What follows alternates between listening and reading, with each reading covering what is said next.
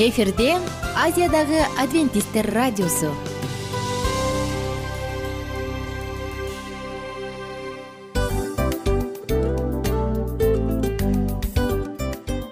Достор салют. Баардык сүйүктүү угармандарыбызга салам айтабыз. Кутман күнүңүздөр менен.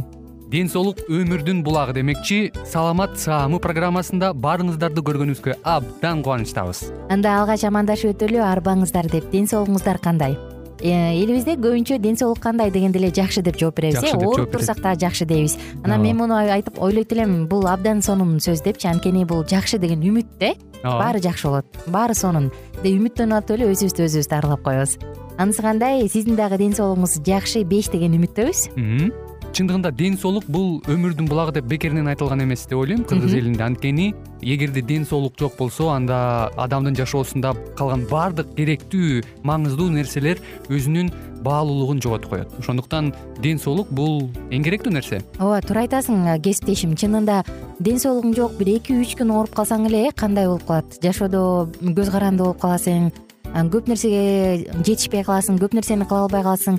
Жада калса эшикке дүкөнгө да чыга албай каласың. Туптуура анан ден соолук болсо демек биз биздин бактыбыз тотой деп койсок болот. Анда достор саламат рубрикабызды баштайлы. Алдыда өзүңүзгө керектүү болгон сонун кеңештерди уга аласыздар. Мына ошондуктан биз менен бирге болуңуздар. Ал эми биз болсо милан жана айнура. Кеттик алга. Алга саламат саама ден соолуктун жарчысы. Саламат саама ден соолуктун ачкычы. Күн сайын сиз үчүн мыкты кеңештер сонун жаңылыктар кызыктуу фактылар биздин рубрикада.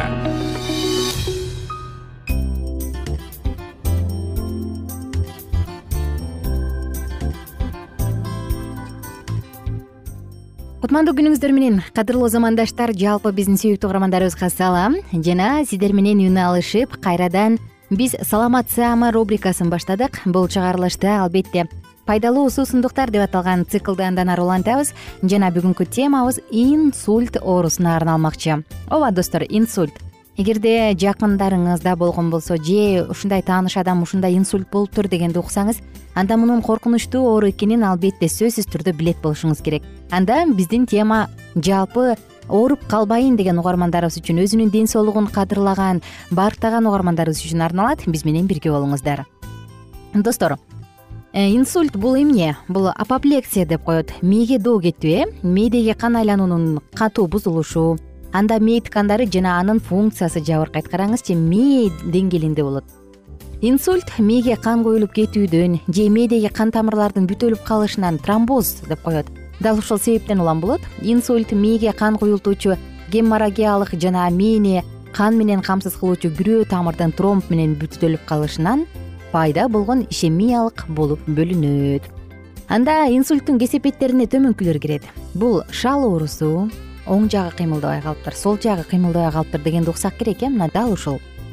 Толук кыймылсыз абал болуп калышы мүмкүн жабыркаган жерге карама каршы тараптагы буту колдун парези кыймылдын жарым жартылай бузулушу сүйлөөнүн жана жазуунун олуттуу бузулушу эс тутумдун жабыркашы жана сезгичтиктин бузулушу. Булардын баардыгы инсульттун кесепеттери инсультту божомолдоо мээнин жабыркаган аймагынын көлөмүнөн гана эмес ошондой эле биринчи жардамынын сапатына оорулууну ооруканага жеткирүү ылдамдыгына андан ары калыбына келтирүү иши чаралардын тууралыгына жана көлөмүнө дагы жараша болот. Ишемиялык инсульт алганда жүрөктүн кан агымынын калыбына келтирүү үчүн алты саат убакыт керек болот. Ал эми тромболизис үчүн венага тромб эритүүчү препараттарды киргизүүчү метод үч сааттан кийин гана таасир этет. Караңыздарчы. Инсульттун алгачкы белгилери жөнүндө да айта кетпесек болбос. Адатта инсульт эртең менен эрте же түн ичинде кармайт. Анын алгачкы белгилери төмөнкүлөр бир капталдын бут кол бет булчуңдары капысынан нес болуп же алсыз боло башташы. Күтүүсүздөн артикуляциянын начарлашы же сөздү текстти кабыл алуудагы кыйынчылыктар бир же эки көздүн кескин начарлашы кыймылдарды башкаруунун капыстан бузулушу ары бери чайпалып басуу баш айлануу жана күтүлбөгөн жерден кескин жана түшүнүксүз баш ооруу булардын баардыгы инсульттун алгачкы белгилери. Адатта бул көрүнүштөр баягы жогорулаган кан басымдын натыйжасында дагы пайда болот инсульт аларда адам эмнелерди сезиши мүмкүн? Кээ бир учурда инсульттан мурун төмөнкү белгилер коштогон транзитардык ишемиялык атака болушу мүмкүн. Бул баш айлануу жүрөк айлануу кусуу кептин бузулушу сүйлөй албай калат так беттин нес болуп эч нерсе сезбей калышы көрүүнүн кыска мүнөттүк бузулушу сезүү жана кыймылдоо органдарынын иштешинин бузулушу мейкиндик жана убакыттан адашуусу оорулууну өзүнүн ысымын жана жаш курагынын унутушу мүмкүн. Караңыздачы бул нерсенин баардыгы инсульттун алгачкы алдын ала боло турган белгилери. Дагы карай турсак инсульт жөнүндө эмнени билиш керек? Алгачкы жардамды кантип көргөзүш керек? Дарыгерлерге келгенге чейин баягы оорулууну жаткырып толук тынчтык жана таза аба менен камсыз кылыш керек. Клиникага түшкөндө дарыгерлер жүрөк жана дем алуусунун иштешин баалап зарыл болгон кечиктирилгис жардамды көрсөтүшү зарыл анан керек учурда адам дароо нейрореанимациялык бөлүмгө дагы жаткырылат. Оорунун кандай кесепеттери бар? Жогору кан басым жүрөктүн тез тез согушу күрөө тамырларда холестериндин тыгылып калышы жана кандын гиперкоагуляциясы. Булардын баардыгы тең дал ушул ооруга чоң себепкер болушу ыктымал эмесе достор инсульт менен тааныштык. Эми биз инсульт болбош үчүн деги эле мындай учурда биз кандай кылып кайсы пайдалуу суусундукту иче алабыз? Мына ушул жөнүндө сөз кылалы. Биз бүгүн бөлө турган нерсе бул томат чеснок жана базилик. Томат чеснок жана базиликтин тромбоциттердин баардыгын бири бирине жабышып анан тромбторду пайда болуп калышын алдын аларын бир нече изилдөөлөр далилдеген. Мына ошондуктан эгерде сиз томат чеснок базилик инсультту алдын алат десек анда таң калбай эле койсоңуз болот. Анткени булардын баардыгы чындыгында канча бир изилдөөлөрдө далилденген. Ал үчүн эмне кылыш керек? Ал үчүн сиз болгону гана эки жүз элүү миллилитр бир порция суусундук үчүн төрт орто көлөмдөгү томатты алыңыз. Ар бири жүз жыйырма үч грамм болушу мүмкүн. Эки чесноктун эки долькасы же кесиндиси эки аш кашык базилик булардын баардыгын тең колдон келишинче баягы жаңы майдан тууралган жалбырагын алганыңыз жакшы базиликтин эгер болбой калса анда айла жок кургатылганын кошобуз булардын баардыгын тең соковыжималкадан сок сыгуучу каражаттан аппараттан өткөрүңүз. Андан кийин ага кааласаңыз бир аз деңиз тузунан кошуп койсоңуз болот. Болду. Булардын баардыгын жакшылап аралаштырасыз дагы ичесиз. Мындай суусундук. Мындай суусундуктун кандай касиети бар мындай суусундук тромбтордун пайда болушун алдын алат. Тромбоциттердин бири бирине чогулуп калышына жолтоолук жаратат. Артерияларды коргойт жана жүрөктү коргойт. Ошондой эле ракка каршы жакшы дарт. Жакшы дарт дебедимби? Жакшы ыкма жакшы суусундук. Дал ушундай томат чеснок жана базиликтен жасалган суусундуктун курамында бул защита от инсульта деп орус тилинде же болбосо инсульттан коргоочу суусундук деп аталат. Сок мындай соктун курамында витамин с бар элүү беш пайызы к витамини бар жыйырма үч пайыз б алты витамини жыйырма эки пайызын түзөт. Он сегиз пайызын калий он жети пайызын витамин а фалат ниацин темир е витамини магний цинк кальций булардын баардыгы дагы бир аз бир аздан бир нече пайызда камтылат. Негизи эле томат бул мээ менен жүрөктүн коргоочусу экени ар бирибизге маалым. Эгерде томатты биз дайыма колдоно турган болсок простатанын рак оорусун алдын алат жана ошондой эле андан тышкары кандын айланышын жакшыртат. Инсульт жүрөк приступтарынын баардыгын алдын алат. Ал эми чеснок же сарымсак менен базилик болсо Э, томаттын ого бетер жакшы сиңип ого бетер пайдалуу болушу үчүн албетте чоң көмүскө көргөзөт. Достор эмне дейбиз сиздерге? Оорубаңыздар. Мындай сокту ичип инсульттан коргоо деп аталган коргоочу деп аталган сокту тамактанаардан ичип анын даамдуу жагымдуу даамынан ырахат алып өзүңүздүн ден соолугуңузду чыңдаңыз гана демекчибиз.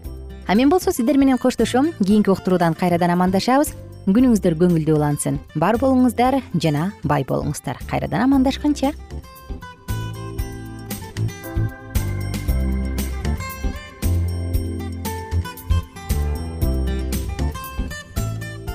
кененирээк маалыматтар үчүн үч w чекит саламат чекит клуб сайтына келип таанышыңыздар. Жана андан тышкары социалдык тармактарда youtube facebook жана instagram баракчаларына катталыңыз. Саламат саама ден соолуктун жарчысы. Саламат саама ден соолуктун ачкычы. Күн сайын сиз үчүн мыкты кеңештер сонун жаңылыктар кызыктуу фактылар биздин рубрикада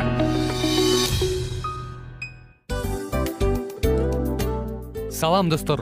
Кайрадан биздин сүйүктүү рубрикабызга кош келиңиздер деп айтмакчыбыз.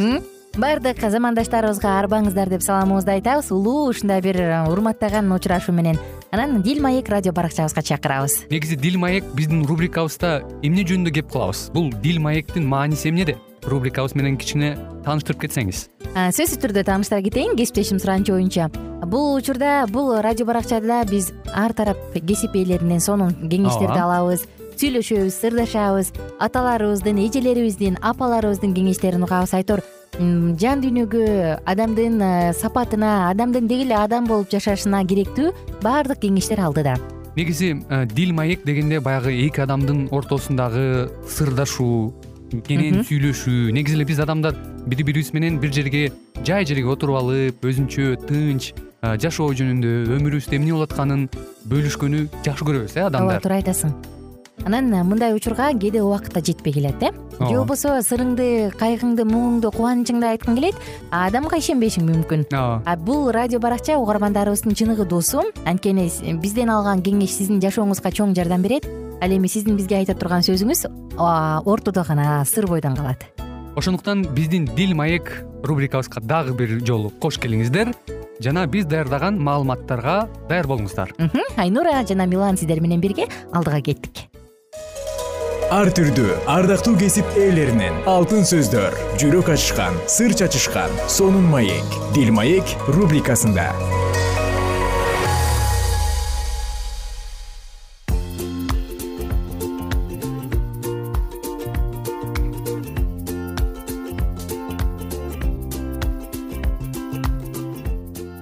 Салют достор кандайсыздар? Угармандар биздин дил маек уктуруубуз жана жалпыңыздар менен үнөмчүлдүк жөнүндө темабызды андан ары улантмакпыз.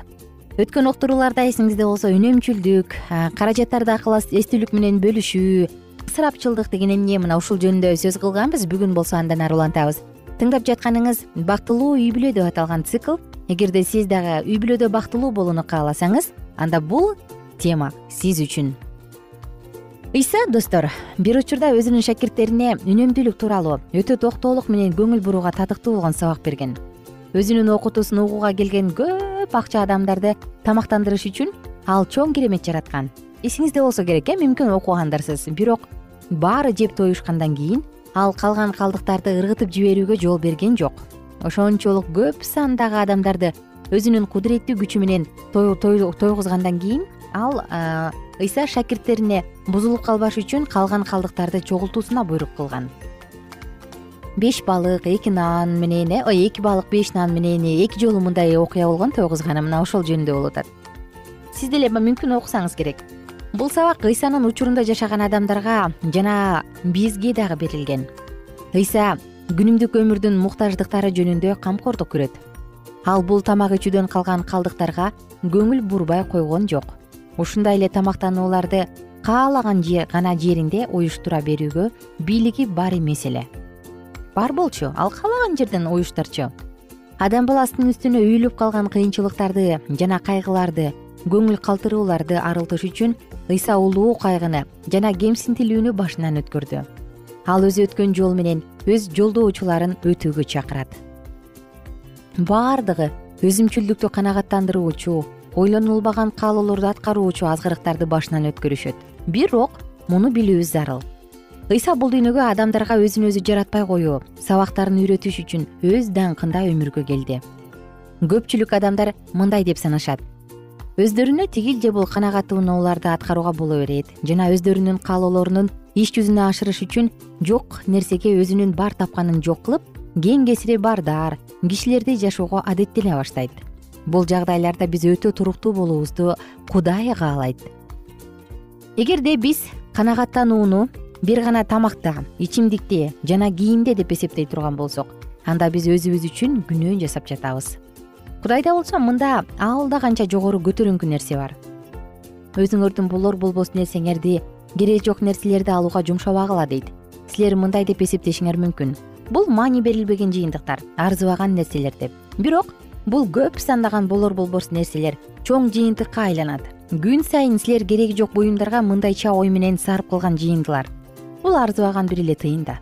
Эми бул болор болбос эле нерсе кичинекейлүү көрүнөт деп. Бирок ушул болор болбос арзыбаган нерселерди бир жылдагы күндүн эсебине көбөйтө турган болсок андан ары жылдарга көбөйтсөк ошондо мүмкүн эмес таң калыштуу эсеп чыгат.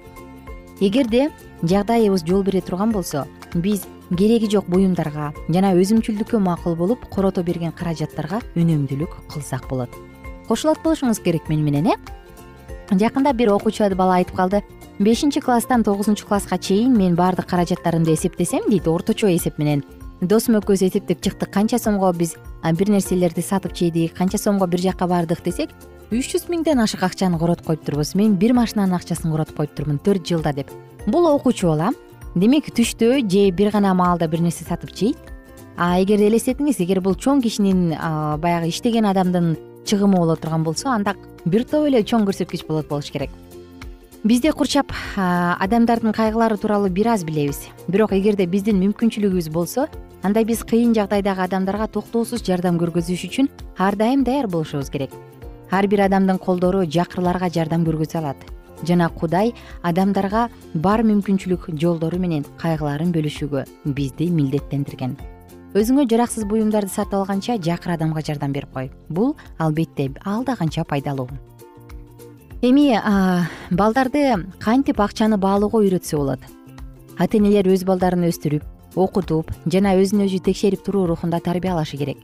Аларды үйрөтүү менен алар өздөрүнүн күнүмдүк жашоолорунда кымбат буюмдарга умтулбастан жөнөкөй гана жашоого умтулушсун аларды түгөнгүс бир байлык болуп жаткандай жана алар өз каалоолорун канагаттандырыш үчүн ал жаткан каражат алып тура тургандай кылбай акчага көндүрүп эрке өстүрбөш керек. Акчаны кудайдын бизге берген белеки катары пайдаланышкан туура. Балдарга жана өспүрүмдөргө алардын кыйналуусуз эле берилип жаткан акчалар алардын колунда бааланбайт. Өздөрүнүн чөнтөгүндө акчалар кандайча табылып жатканын алардын тамактары эмнеден турат? Жана кийимдери үйдү кармоо канчага тураарын билген балдардын жагдайлары? Ал да канча коркунучсуз. Кээде балдарга акылга сыйбаган жардамдар көргөзүлөт э? Өз алдынча өмүрүндө өзүн өзү жолду салган адам. Башка бирөөнүн чөнтөгүнөн акча алган адамга караганда өз ийгиликтерин жогору баалайт эмеспи. Биз балдар үчүн баардык кыйынчылыктарды чечип аларда бирөөнүн колун карап туруучу алсыз кишиге айланбашыбыз керек балдардын өздөрү кабылган жагдайлар ага ата энелеринен алган үлгүлөрүнө караганда алда канча күчтүү таасирин тийгизет. Мындай адамдар дагы бар. Алардын балдары балалык кездегидей жылдарындагыдай эле боло беришет деп эсептешет. Жана эгерде балдары алардын үмүтүн актабай калышса бул кылымдын бузулгандыгын айыпташат. Азыркы доор эми азыркы жаштар ушундай болуп калбадыбы дегенди уксак керек бирок алар өз балдарынан эгерде өздөрү жаш кезинде жашаган шарттарын алар үчүн түзүп бербеген болушса муну талап кылууга укуктары дагы жок.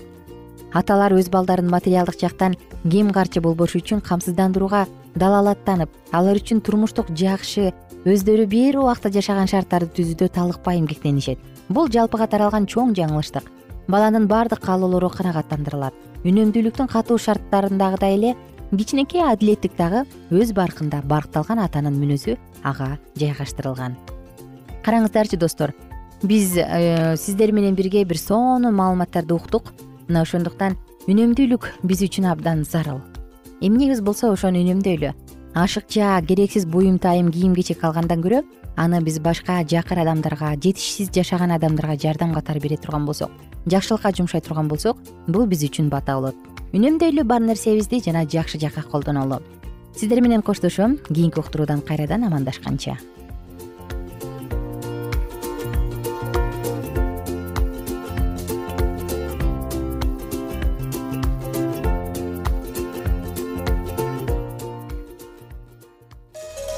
Ар түрдүү ардактуу кесип ээлеринен алтын сөздөр жүрөк ачышкан сыр чачышкан сонун маек дил маек рубрикасында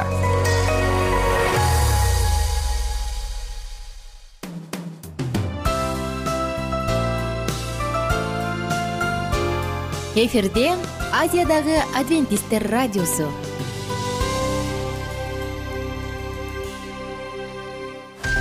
Жан дүйнөңдү байыткан жүрөгүңдү азыктанткан жашооңо маңыз тартуулаган жан азык рубрикасы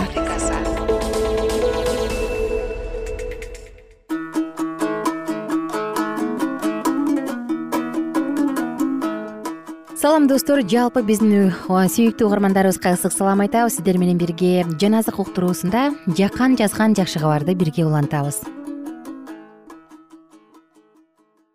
Жакан жазган жакшы кабар онунчу бөлүм он биринчи аяттан тарта. Мен жакшы кайтаруучумун. Жакшы кайтаруучу койлору үчүн өз жанын берет. Жалчы болсо койчу эмес. Анткени койлор анык эмес ал карышкырдын келе жатканын көргөндө койлорду таштай качат. Карышкыр койлорго тийип аларды туш тарапка чачыратат. Жалчы болсо качып кетет анткени ал жалчы койлорго кайдыгер мамиле кылат. Мен жакшы кайтаруучумун. Мен өзүмдүн койлорумду билем. Атам мени мен атамды билгендей эле койлорум да мени билет. Койлорум үчүн мен өз жанымды берем менин бул короодогу койлордон башка да койлорум бар. Мен аларды да алып келүүм керек. Алар да менин үнүмдү угушат. Ошондо бир короо кой бир койчу болот.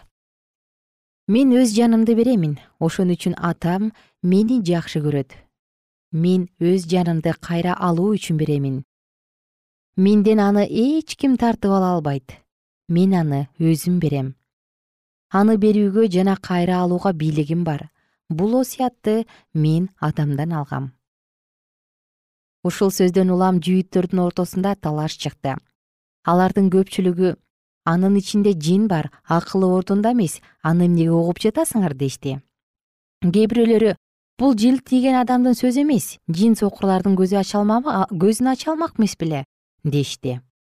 Ошол убакта иерусалимде ибадаткананы ыйыктоо майрамы болуп жаткан кыш мезгили эле ыйса ибадаткананын чыгыш тарабындагы сулайман үйүнүн кире беришинде басып жүргөндө жүйүттөр аны курчап алып качанкыга чейин башыбызды маң кыласың машаяк болсоң айтпайсыңбы ачыгын? дешти.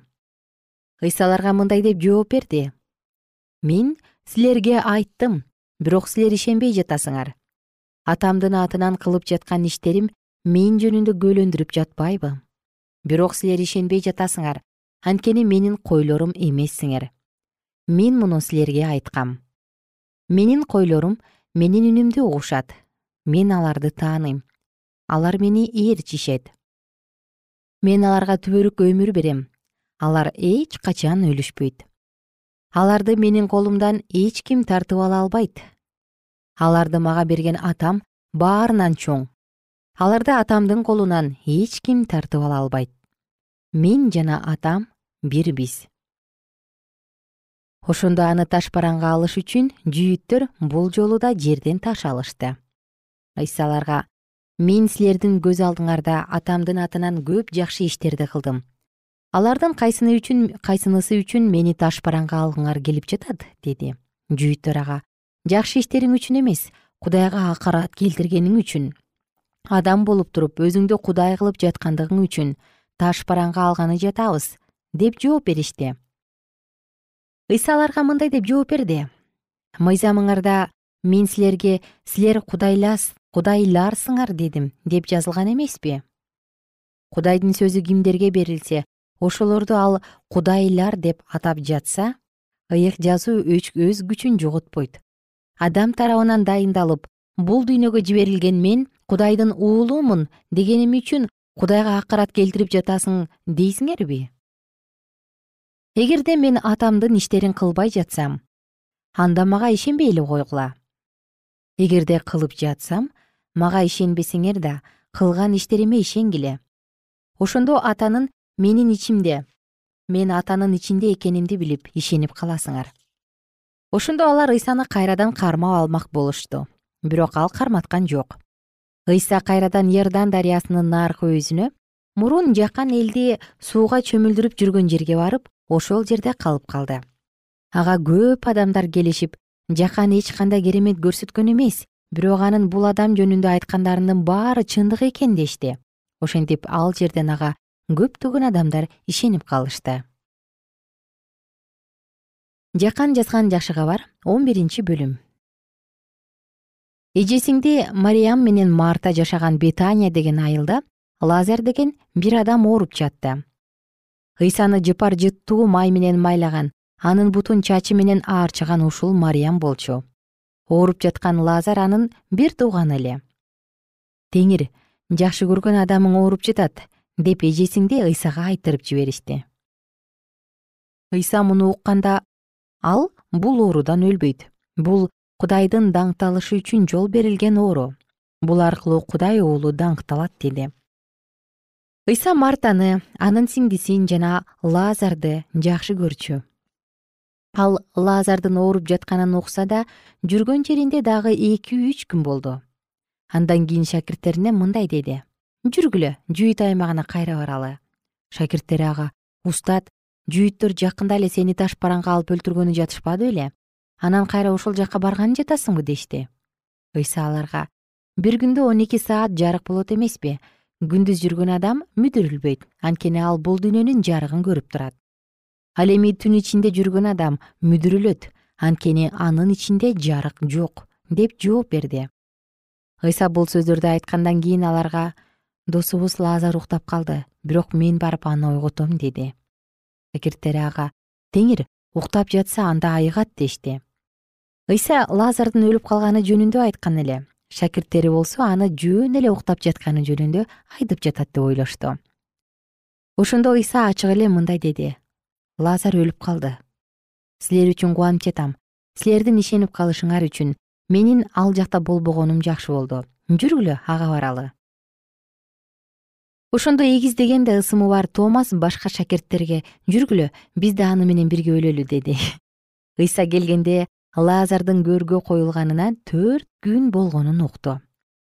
Бетания менен иерусалимдин ортосундагы аралык болжол менен он беш стадий болгондуктан көптөгөн жүйүттөр марта менен мариямга көңүл айтууга келишкен эле. Марта ыйсанын келе жатканын укканда алдынан тосуп чыкты. Мариям болсо үйдө калды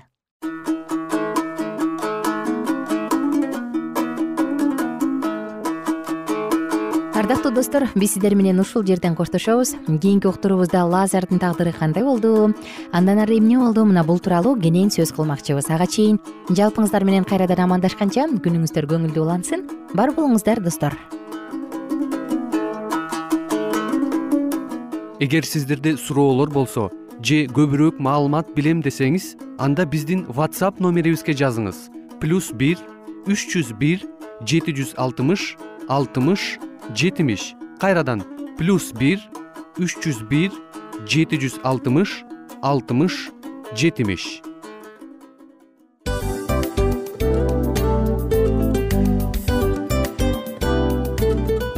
Ушул менен достор программабыздын уктуруубуздун эң кайгылуу мөөнөтүнө келип жеттик. Кайгылуу дегенде ыйлагым келип кетти кесиптеш. Кадимкидей анткени баягы учурашасың анан коштошуу учур келгенде ии кантип ии эми эми бат баттан келиптир э сагындырбай деп атып араң коштошобуз го. Анысы кандай угармандарыбыз менен коштошчу учур келди. Кийинки уктурууларды сагыныч менен жүрөгүбүздө кусалык менен күтөбүз жалпыңыздарды анан жарым сааттык уктуруу көз ачышым канча өтүп кетти? Сөзсүз бирок бизде жакшы кабар бар. Кийинки уктурууларыбызда сөзсүз дагы кезигишебиз. Анткени биз көптөгөн сюрприздерди кызыктуу маалыматтарды жана керектүү керектүү нерселердин көбүнчөсүн даярдадык андай угармандарыбыздын баардыгына ийгиликтүү күн каалайбыз. Эгерде бүгүнкү күнүңүз өзгөчө э, өтүшүн кааласаңыз анда позитивдүү ой жүгүртүп жылмайып жакындарыңызга жакшы маанай тартуулап жүрө бериңиз. Анткени сөзсүз түрдө мунун арты кайтат э? Сөзсүз. Баягы ден соолугуң оңолот ал бул деп көп нерсени санап келебиз. Эң негизгиси бул сиздин жашооңузду жаркын кыла түшөт экен жараткан кудай ар бирөөңүздөргө батасын берсин жашооңуз ийгиликтүү болсун сак саламатта калыңыздар деп мен милан жана кесиптешим айнура баардыгыңыздар менен кийинки уктурууда үн алышканча. Баарыңыздарга ийгилик каалайбыз